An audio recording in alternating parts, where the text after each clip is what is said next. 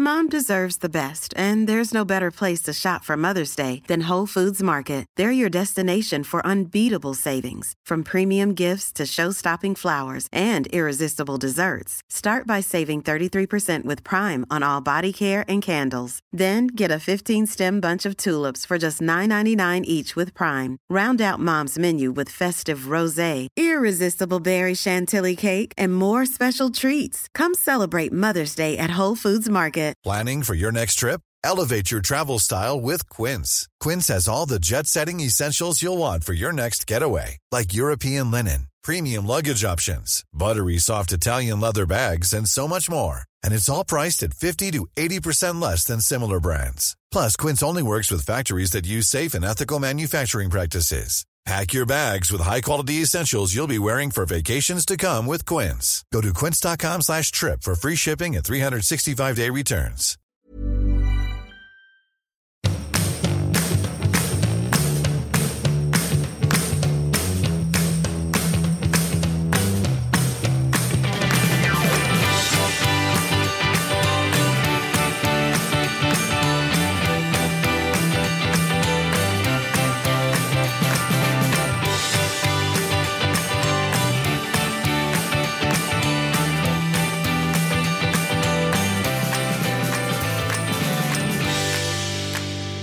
Hallå där alla lyssnare och hallå Ann Söderlund.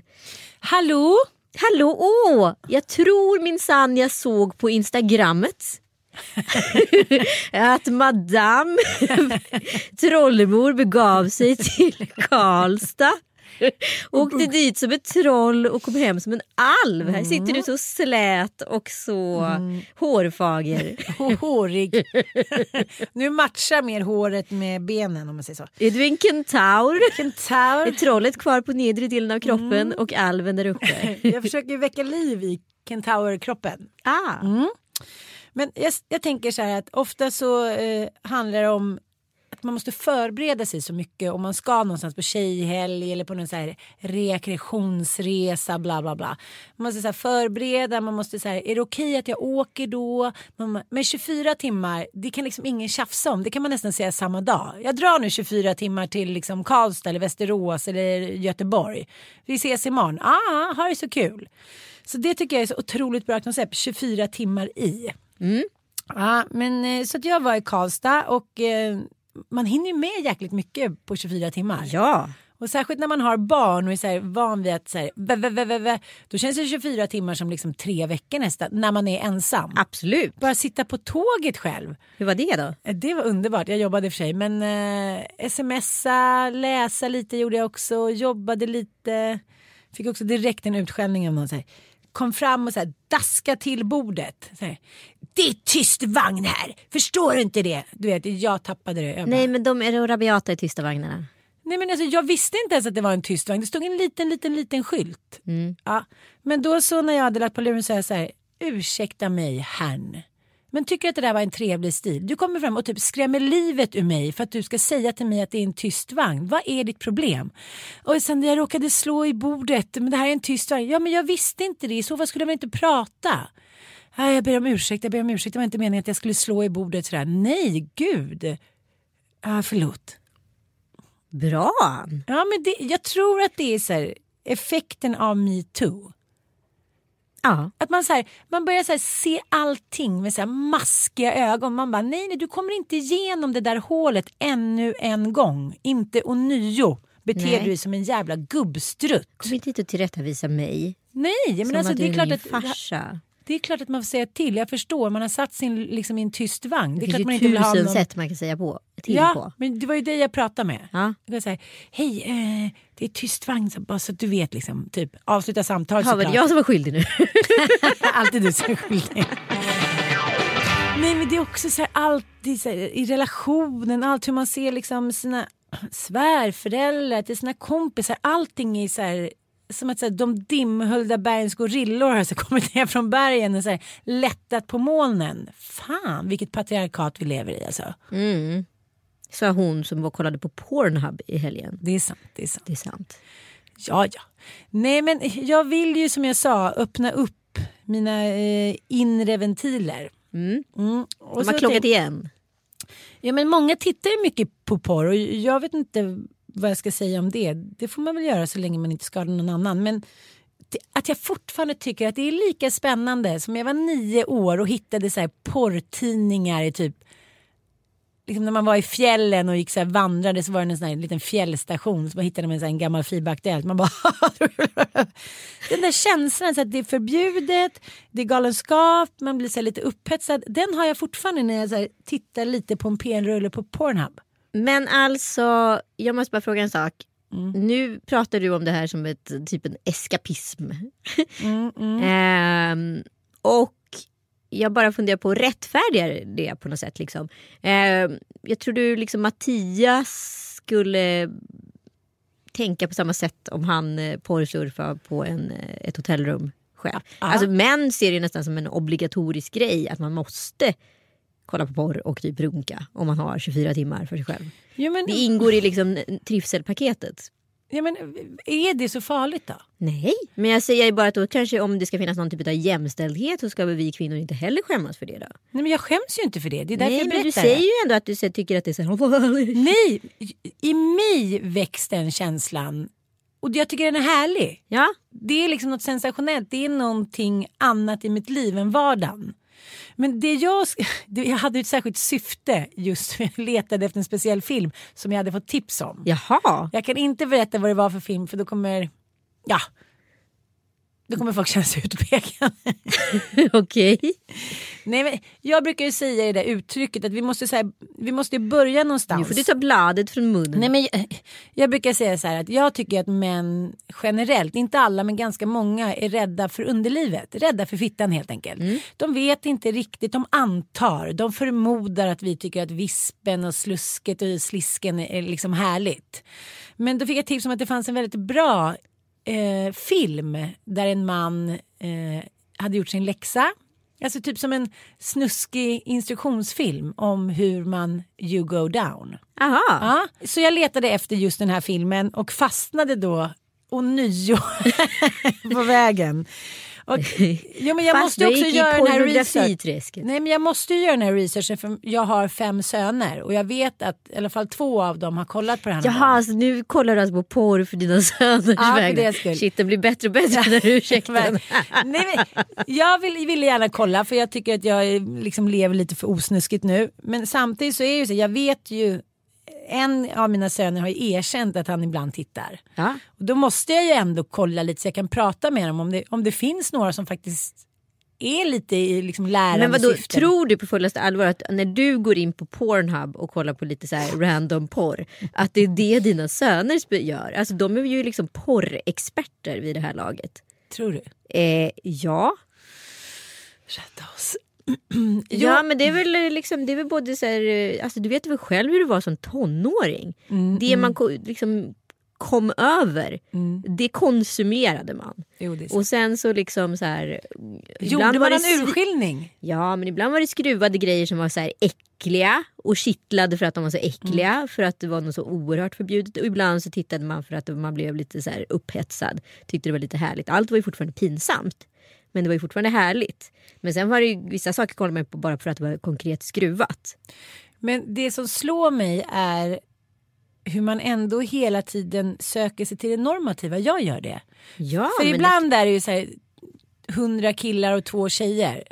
Eh, och då får jag ju panik. Det var en film som var så här, ja, men det, förlåt, jag tror att det var 60 killar och två tjejer. Fräscht. Och så var det liksom avsugningsrondando.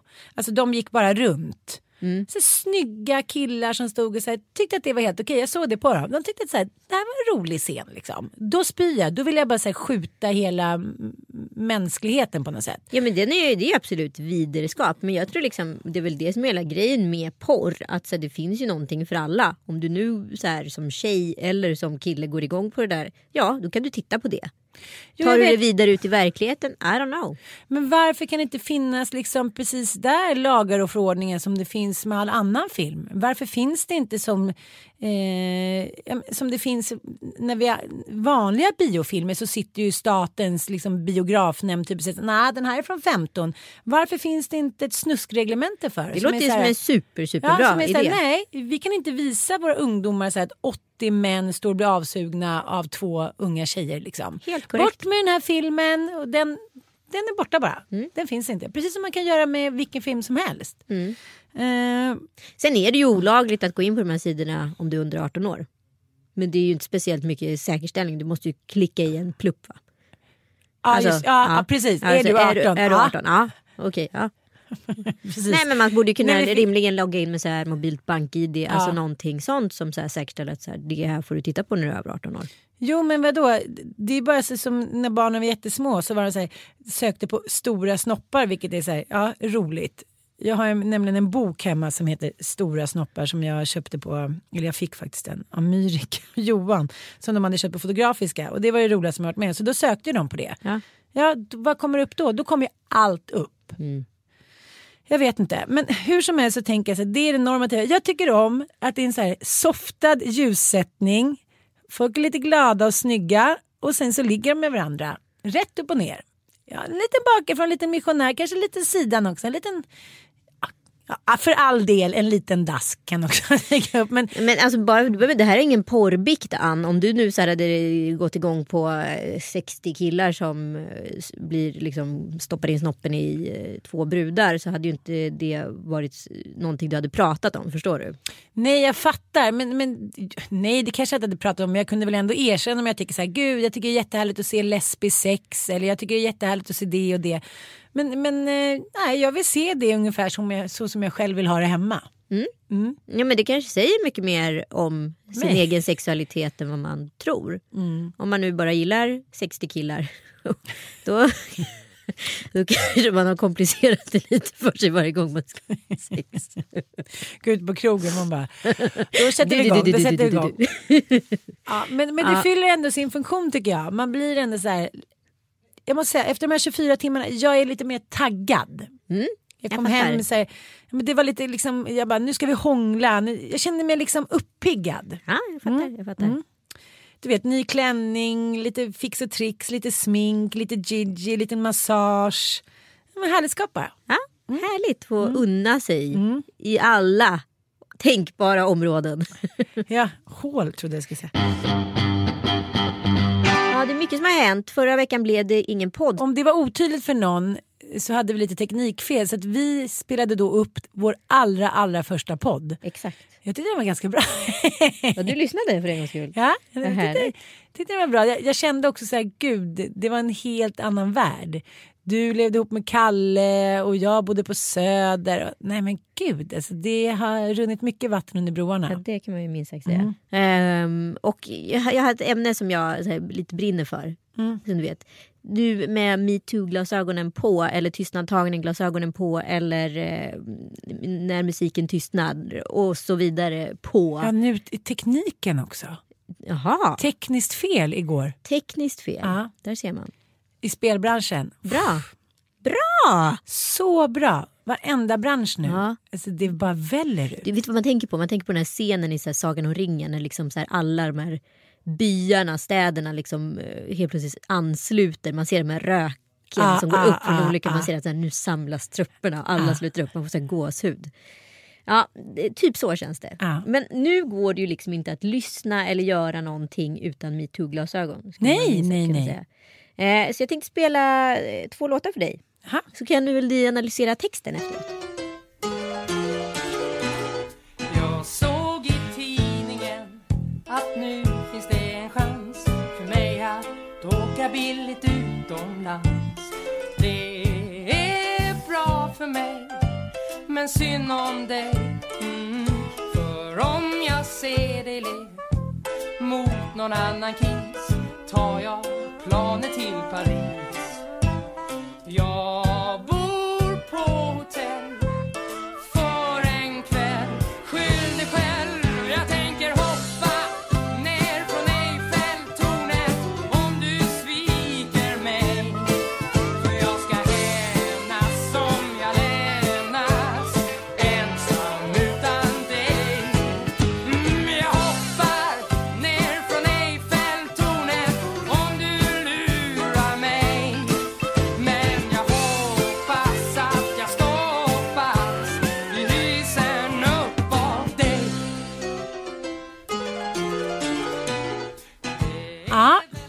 Vad säger vi?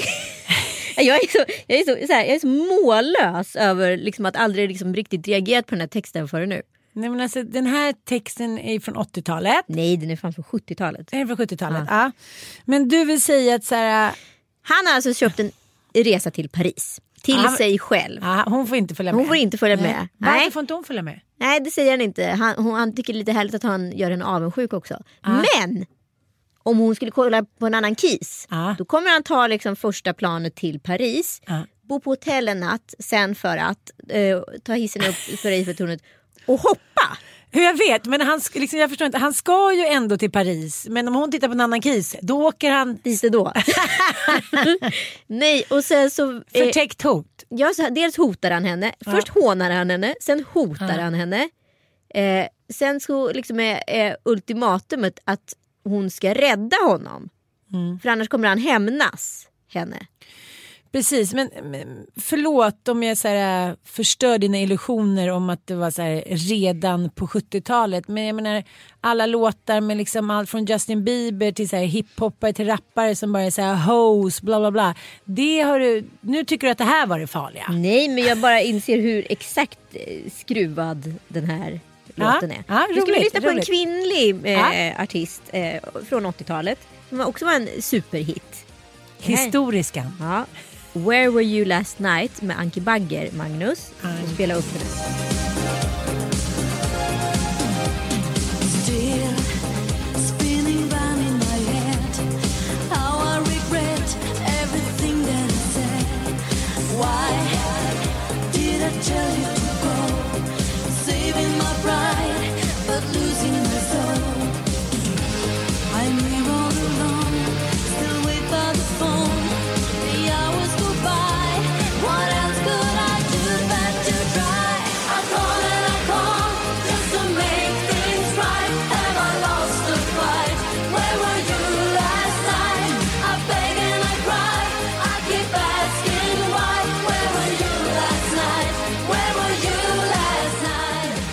Har alltså dumpat en kille Ja. och sen ångrar hon sig. Ja. Och han inte svarar i telefon. Då stalkar hon honom.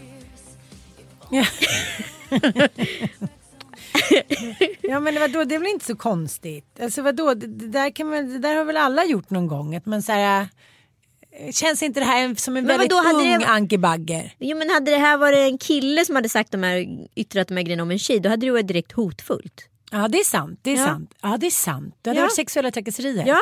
Anki! Anki! Ja, Nej men alltså vadå? Så I call and I call, I keep asking why, have I lost the fight, where were you last night? I beg and I cry. Ja. Och så vidare. Hon är ju helt manisk i det här laget. ja. Mm. Och då menar du att så här, det, men det var ingen som reagerade på något sånt här Nej det här var ju överhuvudtaget? charmigt. Ja. Det var ju som man ville vara. Gud, jag kommer att tänka på nu. Nej. Jag var så här 16, var på Café Opera. Eh, men som man var liksom. Men, man smugglade, jag vet inte hur man kom in där. Och så var det alltid äldre män. De kanske inte var så gamla men nu känns det som att de var liksom 75 men det var de säkert. De kanske var liksom 40 och man tyckte att de var liksom 60. Så åkte man så på efterfester tyckte man var spännande. Alla blev lite förpackade. Man vaknade med att någon låg så här tryckte typ snoppen mot ens rumpa. Något så här gubbaktigt slem. Men alltså så här, förlåt mig hur många gånger i mitt liv jag har gått ut och stått i en bar, jag som också är ganska kort, och fått ett jävla stånd i ryggen. Mm.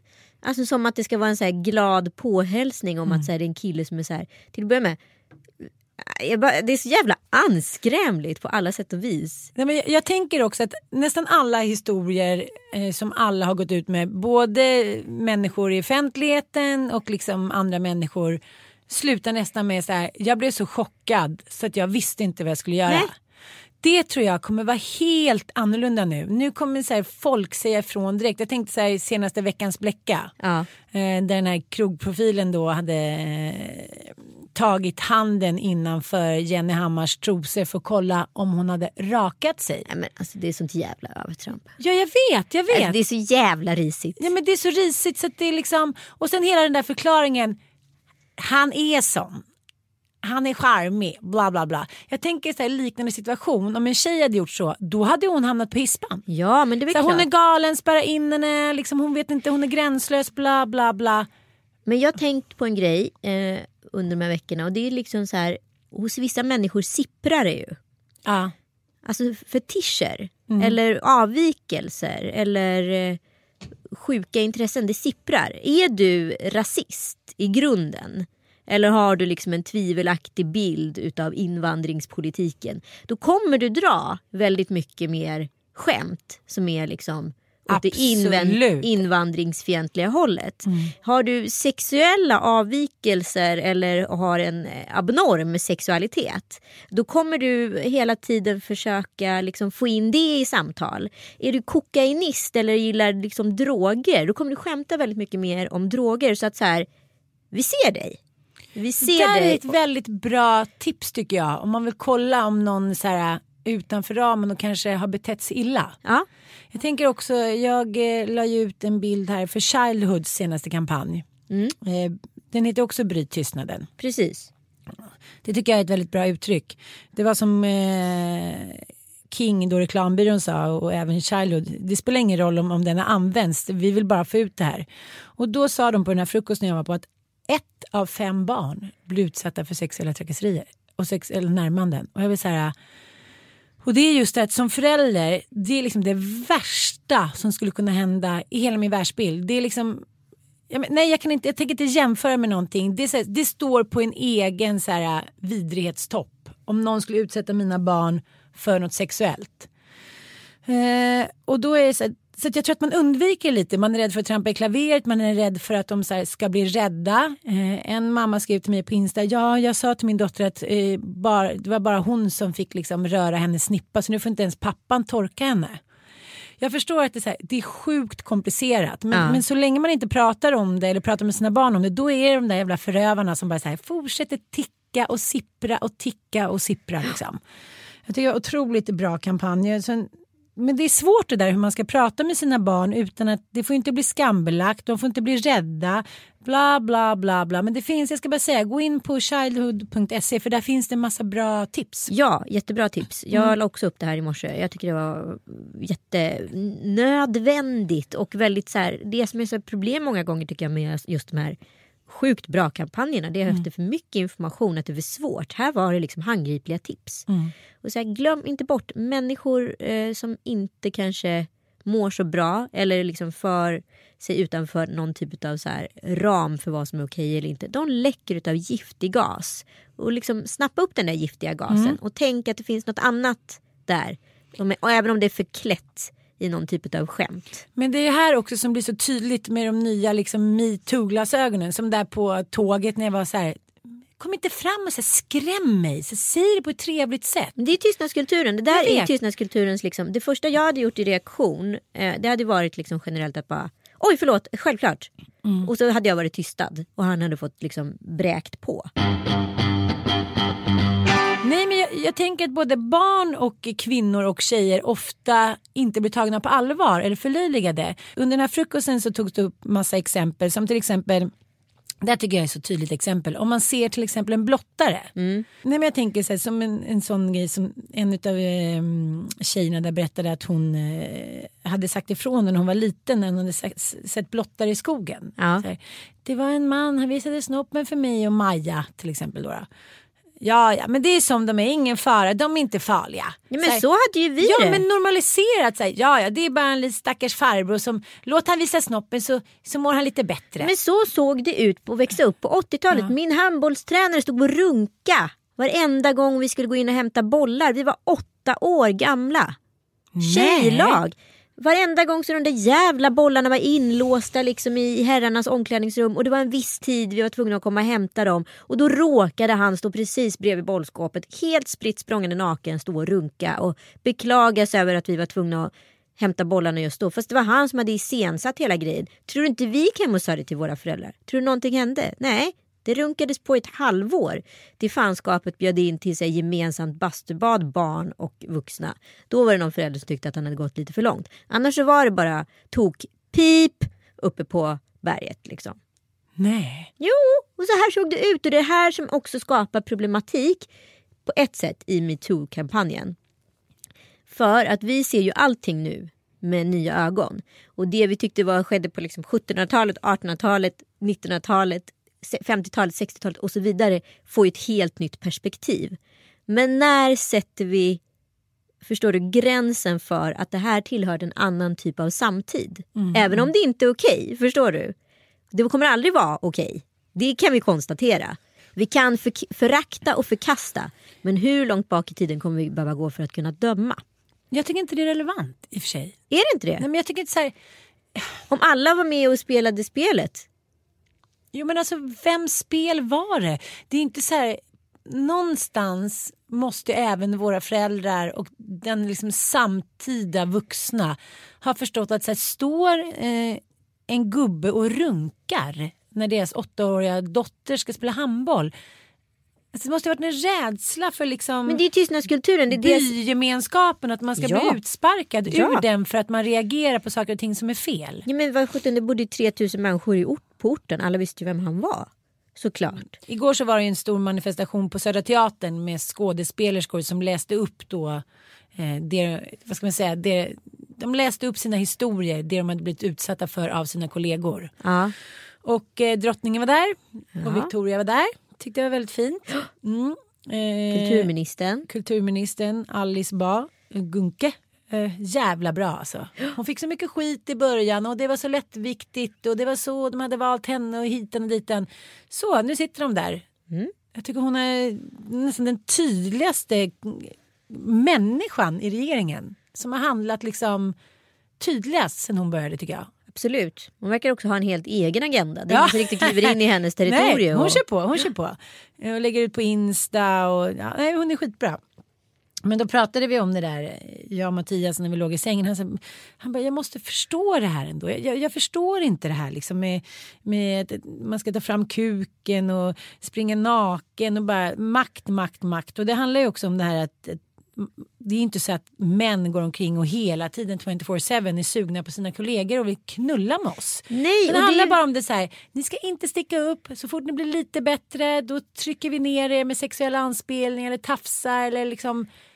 Såg du finns en- senaste Grotesco-avsnittet? Nej, jag har inte gjort det. Nej, då måste du se det och Mm. det uppmanar jag alla lyssnare att göra. För det är exakt så som de väldigt komiskt beskriver patriarkatet. Fast å andra sidan så är det så här, det var ju så det var. Att SVT sa så här att nu får ni faktiskt ta in en kvinna. Ja men de har ju illustrerat, det är ju, det är ju nästan en dock av vad som har hänt. Jo jag vet men det är så många män nu som håller med och de ber om ursäkt och dit. Men varför sker ingenting? Det känns som att så männen är handlingsförlamade. De bara så här flaunt it. Ja vi, vi är lite rädda för tjejer och vi ser själva att vi har liksom spelat med i det här spelet. Sen då? Varför är det inte så här, men varför ställer sig inte Schyffert och Dorsin allihopa, varför ställer de som inte liksom i första ledet och säger så här, okej nu kör vi 50-50, nu ska det in tre tjejer här, fucking kvotering överallt. För de, är också, de har byggt upp en ekonomi runt där. Såklart. Den manliga ekonomin. Mm. Men eh, det är väl jättebra att eh, det börjar belysas. Och det är väl jättebra att det kommer ske saker. Och vi får vara väldigt tacksamma för att det sker. Och det vi sett. Och vi pratade om det jag pratade om tidigare. Att så här, hur långt tillbaka i tiden kan man döma? Man kanske inte kan döma. Men vi kan se, vi kan konstatera och vi kan begrava. För det får aldrig ske igen. Nu sker ju det där att jag börjar här få ångest i magen. Det börjar så här sippra lite. Jag tänker så här att jag berättade att jag låg, ett, att jag låg på hotellet och tittade lite på Pornhub. Så här, gud, vad signalerar det? Är jag liksom inte jag så här systerlig? Har jag gjort något fel? Signalerar jag fel grejer till ungdomar? Bla bla bla. Jag vet inte längre. Nej jag vet inte heller. Men alltså, du fortfarande om, ska, om vi pratar ur ett jämställdhetsperspektiv så har väl du samma rättigheter som män. Det kan vi väl konstatera. Jo men Och just din nu får- sexualitet är ju din sexualitet. Den är väl orubblig. Jo men jag vill säga så här, jag kollade ju väldigt lite. Men varför säger jag det för även om det är sant? Men Jag har ingen aning. Nej men jag vet inte. Jag vet inte längre vad som är rätt och vad som är fel heller. Nej, men eh, det kanske kommer ta ett tag innan vi vet vad som är rätt och fel. Och vi kanske inte ska gå in där liksom. Nej. Och gräva. Och än så länge är vi bara liksom människor stöpta ur den formen vi är stöpta ur. Och sen så kanske vi kan, kommer ändra den formen. Ja det, det hoppas jag verkligen. Men eh, det är bara så märkligt att det har pågått så länge. så många år. Och historien bara sipprar ut. Eh, jag vet inte. Det känns också som att eller det känns inte som så, det är så att det är alltid förövarna som går därifrån med så här rak rygg och vi som blir utsatta som så här går med skammen, hundhuvudet och böjda ryggar. Även barnen. Du vet ju hur lojala barn är. Ja. Och de har ju ingen spegel, de vet inte vad som är rätt och fel. De har ju bara liksom de har ju bara rättsnöre hos oss vuxna och därför är det så sjukt viktigt att vi ska prata med dem och är förebilder och visar vad som är rätt och fel. För jag tror att så här, det är så många som säger ja men de är bara barn eller de är bara unga tjejer eller hit och dit. Och bara, det var ju som när jag råkade ut för det där, råkade ut, blev utsatt för det här våldtäktsförsöket. Det var ju ändå så här, ja men du är ju så ung och snygg och hade du inte lite sådana och sådana såna kläder. Och där satt jag alltså 16 år gammal och bara, nej men jag hade jeans och höga stövlar och jeansjacka och bla bla bla. Hela tiden så faller det på sin egen rimlighet att jag, 16 år gammal, skitsnygg i början av mitt liv, kan välja och vraka, ska vilja ha en 45-årig gubbe. Allting faller på sin egen rimlighet. Frästerskan. Frästerskan. Ja, Alltså den Madonna där jävla Noran. frästerskan. Jag börjar känna så här, jag kanske, jag börjar faktiskt känna så här att jag förstår mer och mer de här eh, dagisen där man inte vet om det är killar eller tjejer som går på dagiset. För om vi inte skulle liksom sätta in unga ungar i så här, i sina fack att de är flicka och pojke och de är busiga och de pojkarna de eh, får sexualitet tidigare hit och dit och alla. Då skulle jag ha sluppit allt det här. Om vi bara tänkte så här, jag ska föda ett barn. Och där känner jag också så här att, att så kallade kändismammor och papper har en skyldighet att inte lägga ut så här pff, It's a girl typ. Alltså förstår du vad jag menar? Att man ska se så här att det är lättare att få en flicka för då slipper man allt det här. Nej, vi uppfostrar alla barn till så här bra medborgare som tar ansvar för sig själva och sitt eget liv. Ja men det är väl målsättningen oavsett vad. Liksom. Eh, sen tror jag många gånger att så här, könen ställer till det för oss. Eh, I alla fall i unga år. Och sen så tror jag ibland att könen gör det jättebra för oss. Och just nu är det väl ganska coolt att vara tjej eller? Jo, jo, jo, men jag menar, jag tycker ändå med så små grejer så här. Pust, ut, pust. Eller så här, det blev en tjej. Du vet de här som man kan lägga ut på Instagram. En så här rosa bild så här. Åh, tack gode gud typ. Det blev en tjej. Men är det för att du själv har fem pojkar? Nej. Nej. Jag har ingenting med det. Okej.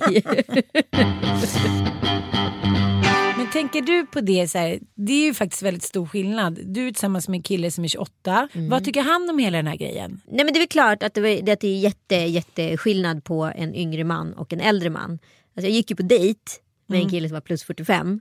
Ja. Eh, det var ju det var ju märkligt måste jag säga. Jag har aldrig varit så, alltså, jag har aldrig varit så långt ifrån på en så här känslomässig skala. skala liksom. Man bara så här, det är som att gå på dejt med sin semifarsa liksom. ja, du kände så? Nej, men jag har liksom och sen har jag ju jättemycket polare, killkompisar som är 45 och väldigt unga i sinnet och sättet liksom. Men de är oftast ihop med väldigt mycket yngre tjejer. Ja, ja. Men det där går ju lite hand i hand. Ja. Eh, men nej, det var liksom aldrig... Alltså det var aldrig av intresse för mig. Att, jag trodde ju väldigt länge att jag skulle bli ihop med någon eh, plus 40 som kanske hade två barn lite större. Och, ja, så skulle mitt liv se ut. Ja. Det, för det var så det var mallat liksom. Mm. Men det, känslorna ville ju något helt annat och det är jag ju väldigt glad för. Jag Att man inte alltid det- lyssnar på förnuftet. Mm. jag, tycker, jag tycker ändå att det är så roligt och så här, jag vet inte varför jag tycker det är så underhållande att tänka så här att ni två går på fest och ni två så här, lite som två Mon Chichi. Jaha. Ja men han är, ser också lite så här lite gosedjursaktig ut Joel. Gull- gullig liten näsa, han, han ser gullig ut liksom. Ja, men han är gullig. Ja, men, men vad tycker han om den här kampanjen till exempel? Ja, men han tycker det är superbra. Som, men sen om vi har pratat om tidigare. Det, det finns en stor skillnad på killar som är födda med mammor som varit yrkesverksamma och karriäristor. Eh, alltså Joels mamma har alltid liksom gjort det hon har velat och liksom prioriterat eh, liksom, såklart familjens bästa men också sitt bästa för hon har förstått att sen mår jag bra så mår familjen bra. Hon har alltid tävlat i hästsport och liksom varit iväg på helgerna och ridit och sådär. Och det har alltid funnits en pappa där så det har inte varit något konstigt att han har liksom stöttat. Eh, och han respekterar ju kvinnor som tar för sig och gör karriär precis som hans mamma gjorde. Det finns en annan typ av jag ska inte generalisera för mycket men det finns en annan typ av oförstånd Mm. hos en äldre generation män. Sen tror inte jag att Mattias är sån eftersom han har valt en kvinna som du är. Liksom. Nej, men, men han känner sig ju... Eh, alltså jag tror att orsaken till att Mattias är så otroligt engagerad i det här. Han pratar om det här varenda dag. Ja, men det är väl inget liksom märkligt men det är mycket så här, han funderar. och. Det är för att han och hans kompisar är nästan, nästan ingen i hans gäng har någonsin gjort någonting sånt här. De har ju aldrig varit otrogna, de Nej. har aldrig varit sexistiska. Jag vet inte om det handlar om att de kommer från en liten stad eller att de bara så här, tillsammans har stöpt varandra. Men jag tycker att det som kommer bort lite i också hela den här metoo-rörelsen det är att det är väldigt, väldigt många som redan tidigt sa ifrån. Men det har liksom bara så här, "Ah, ja, ingen fara typ, ah, vi ska prata med dem. Och så är det så här, jaha, de har så kämpat. Som Magdalena Ärman, hon har till och med skrivit en bok om liksom, hur jävla sexistiskt det är i operabranschen. Den har liksom, v- v- v- det är bara så här, Kan vi prata om att SD vägrar eh, skriva på det här uppropet? jaha okej. Ja. Mm, Nej, men nej, det hände inte inom deras parti. Det, man bara, Nej. nej. nej just nu för det var ju en kvinna som gick ut precis innan metoo drog igång och, eh, och hävdade att hon hade blivit sexuellt trakasserad av en annan kollega inom partiet.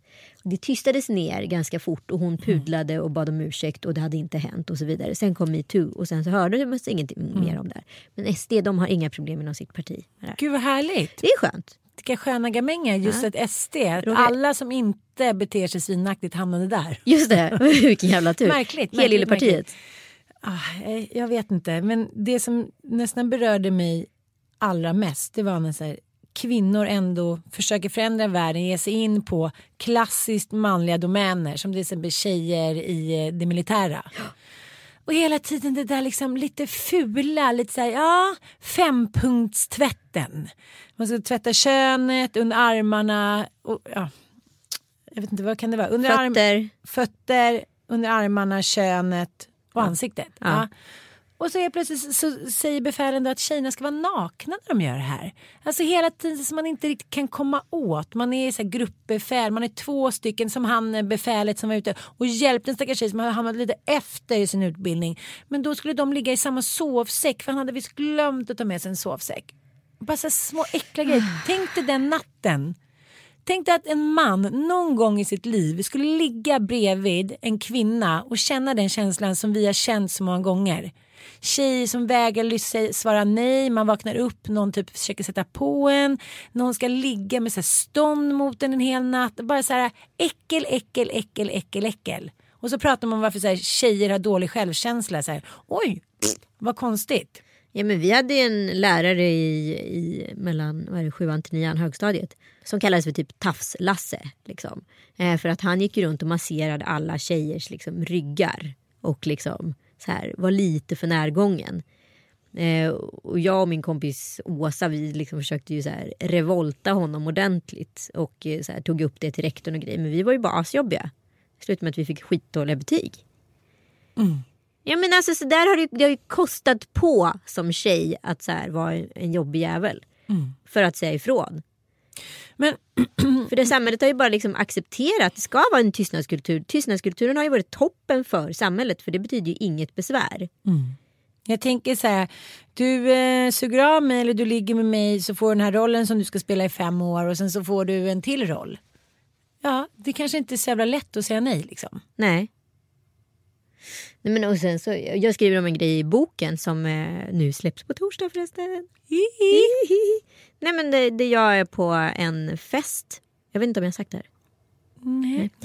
Eh, Nej men det är i tonåren och jag är på en fest och det är en skitsnygg kille på den festen som jag bara så här, du vet, åh gud vad jag har trånat efter honom liksom. Ah, han är så, ah, han är fantastisk. Eh, och han är lite äldre. Eh, och så frågar han mig om jag ska följa med ut och bara bära in bärsen som står i garaget. Är hemmafest, villa, förort. Eh, så jag följer med ut och så börjar vi kyssas. Och jag bara, jag är typ, att jag är sjunde himlen. Han är verkligen liksom kronprinsen i gänget.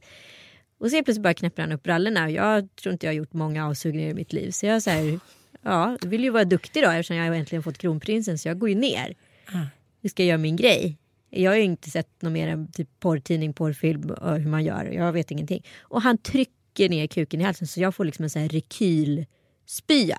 Alltså du vet, så bara, alltså kräk, riktigt? ja, kräkreflexen. Han hinner dra sig ur, hoppa undan och jag spyr på golvet. Han bara shit alltså, okej jag lovar säga, inte säga till någon att du spydde. Så jag går in dit på festen och så sitter jag. Ja, det var ditt fel Det var mitt fel. att du spydde. Ja. Det var så jävla lätt. Det var så jävla lätt att vara skyldig. Återigen fresterskan. Skökad. Det var så jävla lätt. Tack Men- Bibeln. Jag tänker också på de gånger man så här, har dragit därifrån. Man kanske har påbörjat någonting på någon fest, hånglat med någon kille som tror att det ska bli ligga av. Och sen är man mitt i så här, äh, jag vill inte det här liksom, jag drar upp.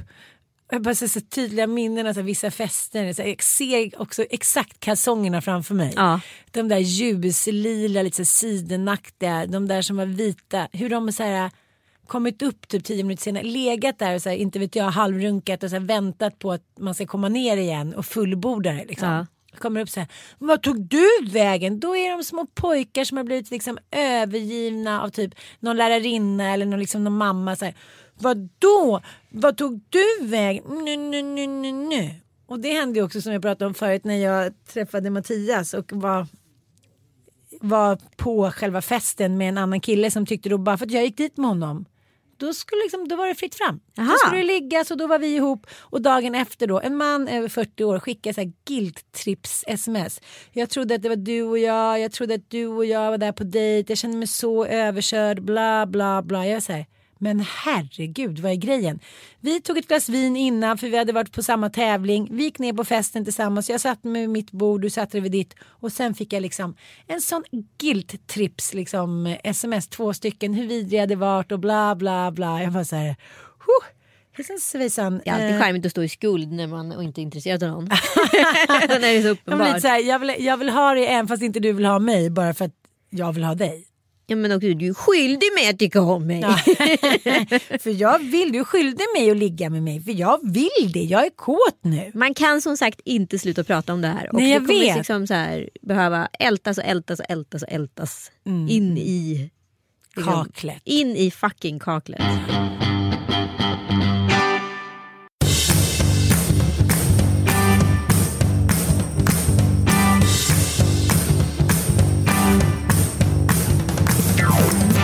Samhällets också största ansvar just nu det är att sätta ner foten och tydligt visa så här, att ingen som faller tillbaka liksom, och sätter på sig de här gamla glasögonen när män kan bete sig hur fan som helst och ändå få vara med i härligheten. Det får inte accepteras. Som ta till exempel Alexander Bard. Som blev nominerad då, mitt under brinnande liksom, krig så blev han nominerad då till här, ett prestigefyllt IT-pris.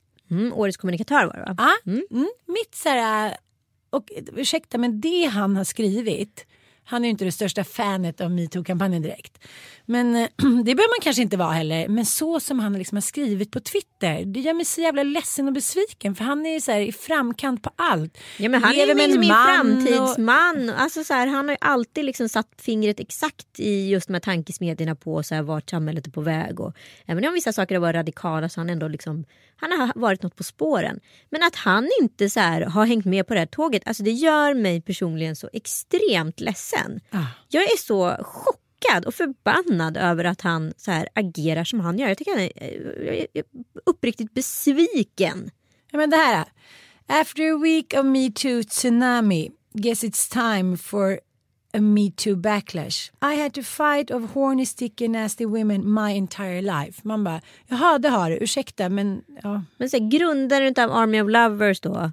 Alltså som jag upplever i alla fall som Army of Lovers var. Det var väl liksom någon typ av skämtakt med patriarkatet. Eller var det inte det nu? Never trust a man who changes his mind as soon as a screaming hysterical woman enters the room. Men jag bara undrar nu om han så här känner att nu har han så här eh, rört till det så mycket så för sig så att nu är det för sent att pudla. Så nu måste han hålla den här linjen. Precis, men det är också så här, nu kan han ju inte så skratta bort det. Och det är ju ingen längre som kan skratta bort det. Det är det som mediemannen, kulturmannen, alla dessa män har kunnat säga. Ja, ja, jag var lite full eller jag var lite ur balans eller jag var bara lite överförfriskad hit och dit. Det går ju inte längre. Nej. Och jag tycker så här, det började egentligen med Anders Borg. För han, han gjorde ju alla rätt. Han försökte inte skratta bort det, han försökte inte be om ursäkt. Han var så här, I fucked up. Ja, jag säger, liksom, han gjorde verkligen sin läxa. Han bara, jag säger upp mig från allt. Eh, jag ska bli en bättre människa, jag ska söka hjälp. Jag håller mig undan. Istället för så här, börja rya och säga det är inte mitt fel, jag var full, alla överdriver. Bu, bu, bu, bu. Och det är det som jag tycker liksom, på något sätt är det göttigaste med hela den här kampanjen. Nu kan ingen avfärda det här längre. Ingen kan säga skylla ifrån sig. Du är en vuxen människa. Om du inte kan dricka utan att bli liksom ett snuskigt fuck up, drick inte då. Nej. Om du inte kan vara massa, bland massa tjejer utan att säg, liksom, fälla sexistiska kommentarer. Eller, tvingas, Sök hjälp. eller, eller liksom ta på tjejer och inte kunna hålla sig. Sök hjälp. Sök hjälp. Men det är ändå intressant det du sa nu precis som Anders Borg för att det var ju liksom någonting som var så jättedömt för bara tre månader sedan. Det han hade åstadkommit. Nu har ju han ju plötsligt gjort någonting bra. Ja, han gick ju liksom han gick i första ledet helt plötsligt. Ja. Vad Han hade- intressant, det är verkligen om, omkullkastat. Ja, han hade också lite timing. Mm.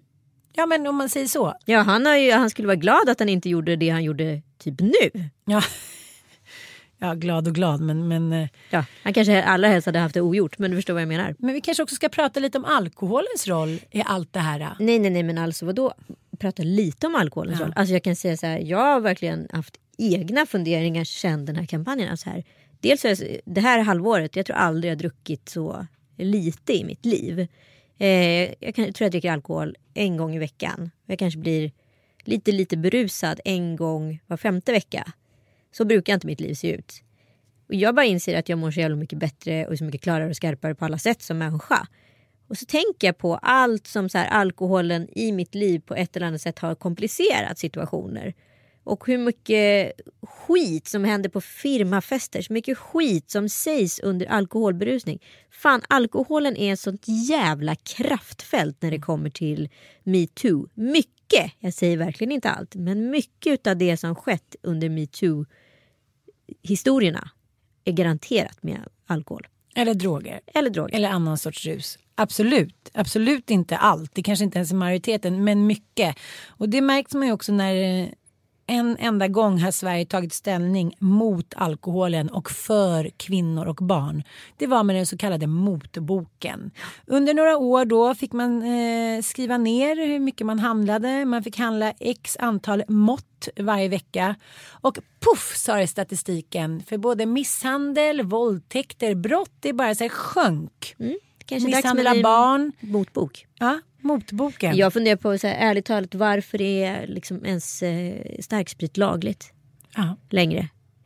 Om det hade uppfunnits nu så hade ju det klassats som droger. Jag tycker så här, att ta sig ett glas vin, nu låter det ju väldigt vuxen, jag hör mig själv eh, ur ett tonårsperspektiv. Eh, alltså så här, att ta ett glas vin för att det är gött, att ta en drink då och då för att det är gött, det är inga problem. Men att så här, sitta och supa och sitta och kröka starksprit med syfte att bli full och se vad, som, vad den här fylletombolan kommer bjuda upp till.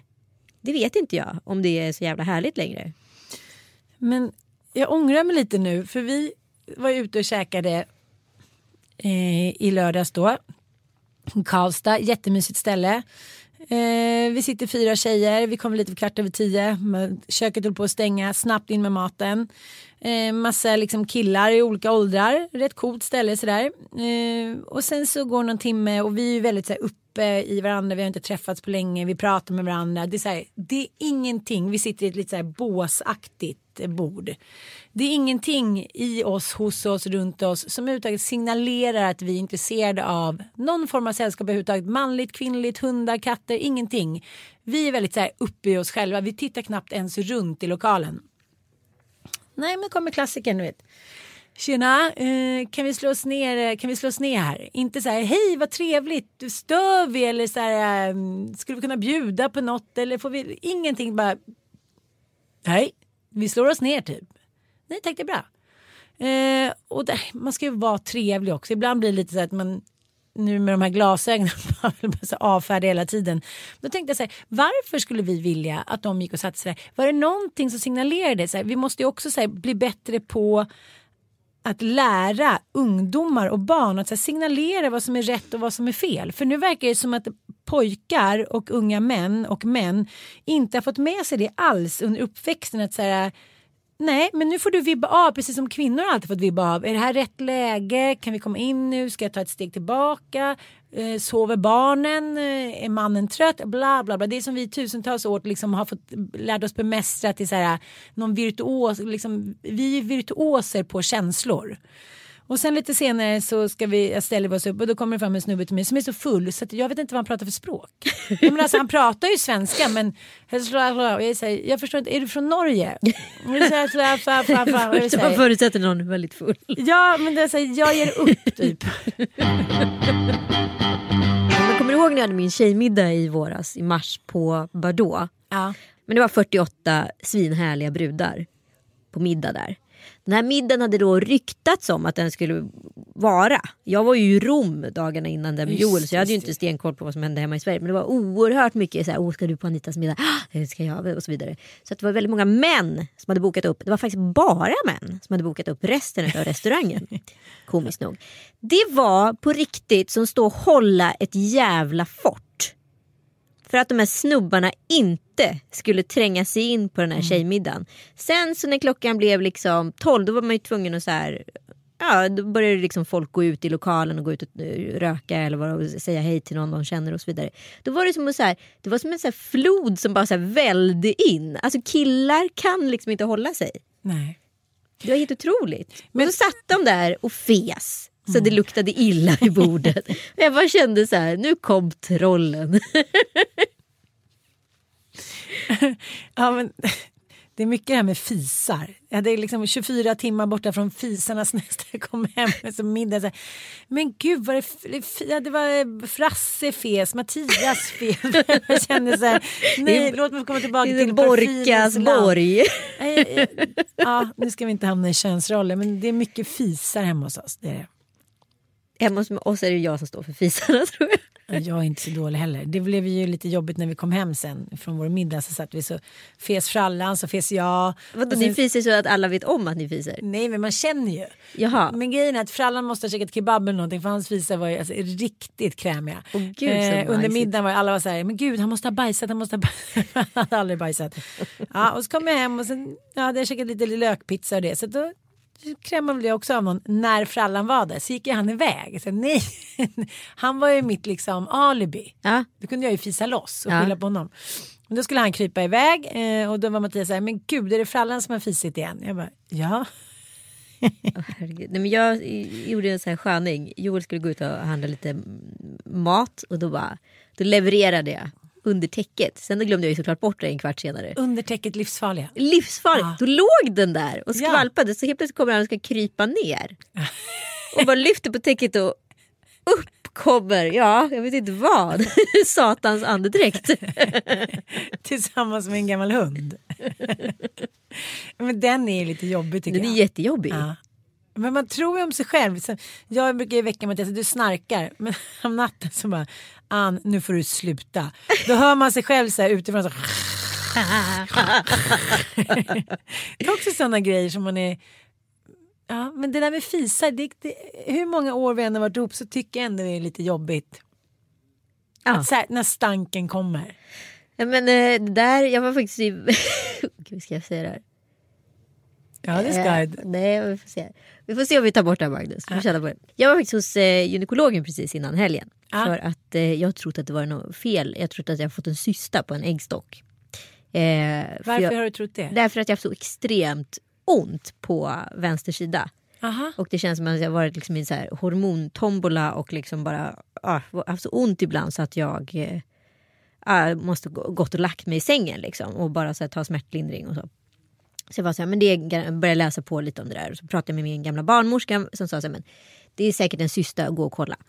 Så gick jag dit och hon ja, hade en barsk iranska underbar, skitsnygg, cool och hade en basröst som var så här. Eh, hon bara, du har ingen cysta men du har väldigt mycket gas. Nej, nej. I pulli. Nej, inte i pulli. Förmodligen så är det så. Jag har nämligen spelat mycket tennis och jag har överansträngt min vänstra sida. Så jag har jätteont i min höft. Så det är en nerv som har kommit i kläm Och då Ja. har den liksom legat tryckt och det skapas då liksom lufttryck där inne i, i ja, den bakre regionen. Jaha, så du du liksom trycker mot äggstocken så det är liksom en trestegsraket här. Du har fått en, så här, en tennisfjärt. En Tennissista. Nej men gud vad spännande. ja! Så, det är därför, så du har fisit extra mycket? Ja men förmodligen för att så här, det är obalans i hela i och med att jag så här, går runt och så här, alltså, kompenserar och då trycker den här nerven. Alltså du vet, förstår. Det är inte bra att, Nej. du, eh, att du spelar så mycket tennis. Det är inte Nej bra men för det mig. hon det inte sa. Nej men det hon sa till mig var att så här, du måste lära dig att gå på toa och slappna av. Snabbkisset, snabbbajset. Gud, tjejer är så... Skämsbajsen. Skämsbajsen och skämskissen. När man inte vill att den andra partnern ska liksom höra. Men jag tycker mer att det är, så här, det är mer effektiv grej. Man så här, in, släpper en liten kurv, torkar sig, går ut. Alltså det går ju på en sekund. Ja men det är tydligen det man inte ska göra. Utan så här, nu har jag ju tränat på i helgen att sitta på toa. Hon var Ja. så men ta med en bok in. Ja, för gud, där måste jag ändå säga att det finns en stor skillnad på kvinnor och män hur vi tömmer. Ja. Vi, så här, vi gör en så här expresstömning alltid så här, släpper vårt lass eller vad det nu är, kissar och sen ut. Vi torkar oss ju knappast för vi har så bråttom. Nej men alltså det är ju så här att jag också tycker att det är så här jobbigt när man är i en ny relation och man Mm. vill liksom inte att den andra ska höra eller ens tänka tanken att man kanske skulle bajsa Nej, men det där, är också, det där, där måste vi också tänka om. Ja. Så här, vad är grejen egentligen? ja men me too. Ja, jag me bajsar too. också. Me too slash bajs. Ja. Men det gäller ju allting med så här, kvinnliga kroppen och underlivet och det här med att man säger tjej ska skämmas, hon ska föda barn för hon kanske bajsar på sig hit och dit. Så här, bort med allting. Tänk lite mer Lucy, grottmänniska. Det var ju så vi var. Allt annat är ju hittepå. Ja. Allt annat är ju påhittat. Mm. Ja. Nej men så nu har Ta fram haft, apan i vi dig. haft, haft samtalet här i helgen att nu är det slut med skäms för att gå på toaletten. Mycket bra. Ja, och sluta Ja. skoja om om man gjorde det eller inte. Mhm. Mm. För det kan ju också vara så här, det kan ju vara en rolig grej man börjar med, man sätter en norm och sen så blir det så här, Absolut. ja, och sen så blir det så här jätte, en problematisk norm. Så att det handlar ju mer om att så här, ja, nu dödar vi normen. Jag såg för övrigt att du var otrogen mot mig i fredags. Du gick och åt på våran hemliga sushibar utan att säga till mig med dina barn. Ja, ja! Gud förlåt älskling. Så jag är så besviken. Nästa gång så lovar jag att jag ska bjuda in dig till min, Frasses och Ossians lunch på vår japanare. Ja, vilken tur. Då känner jag mig trygg igen. Ja, nu tror jag att vi avslutar med lite japansk musik och tar en minut och bara sitter och kontemplerar. Och, Och kanske gå på toaletten. Ja, Enjoy. ett, två, tre. Ding!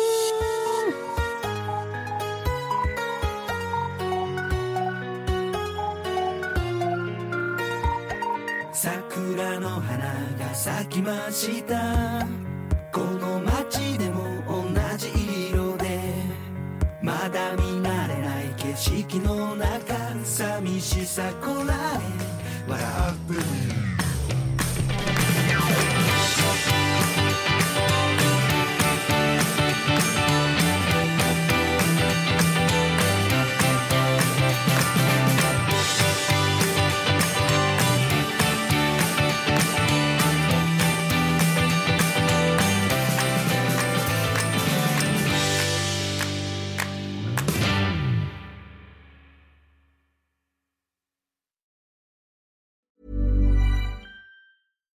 Here's a cool fact a crocodile can't stick out its tongue.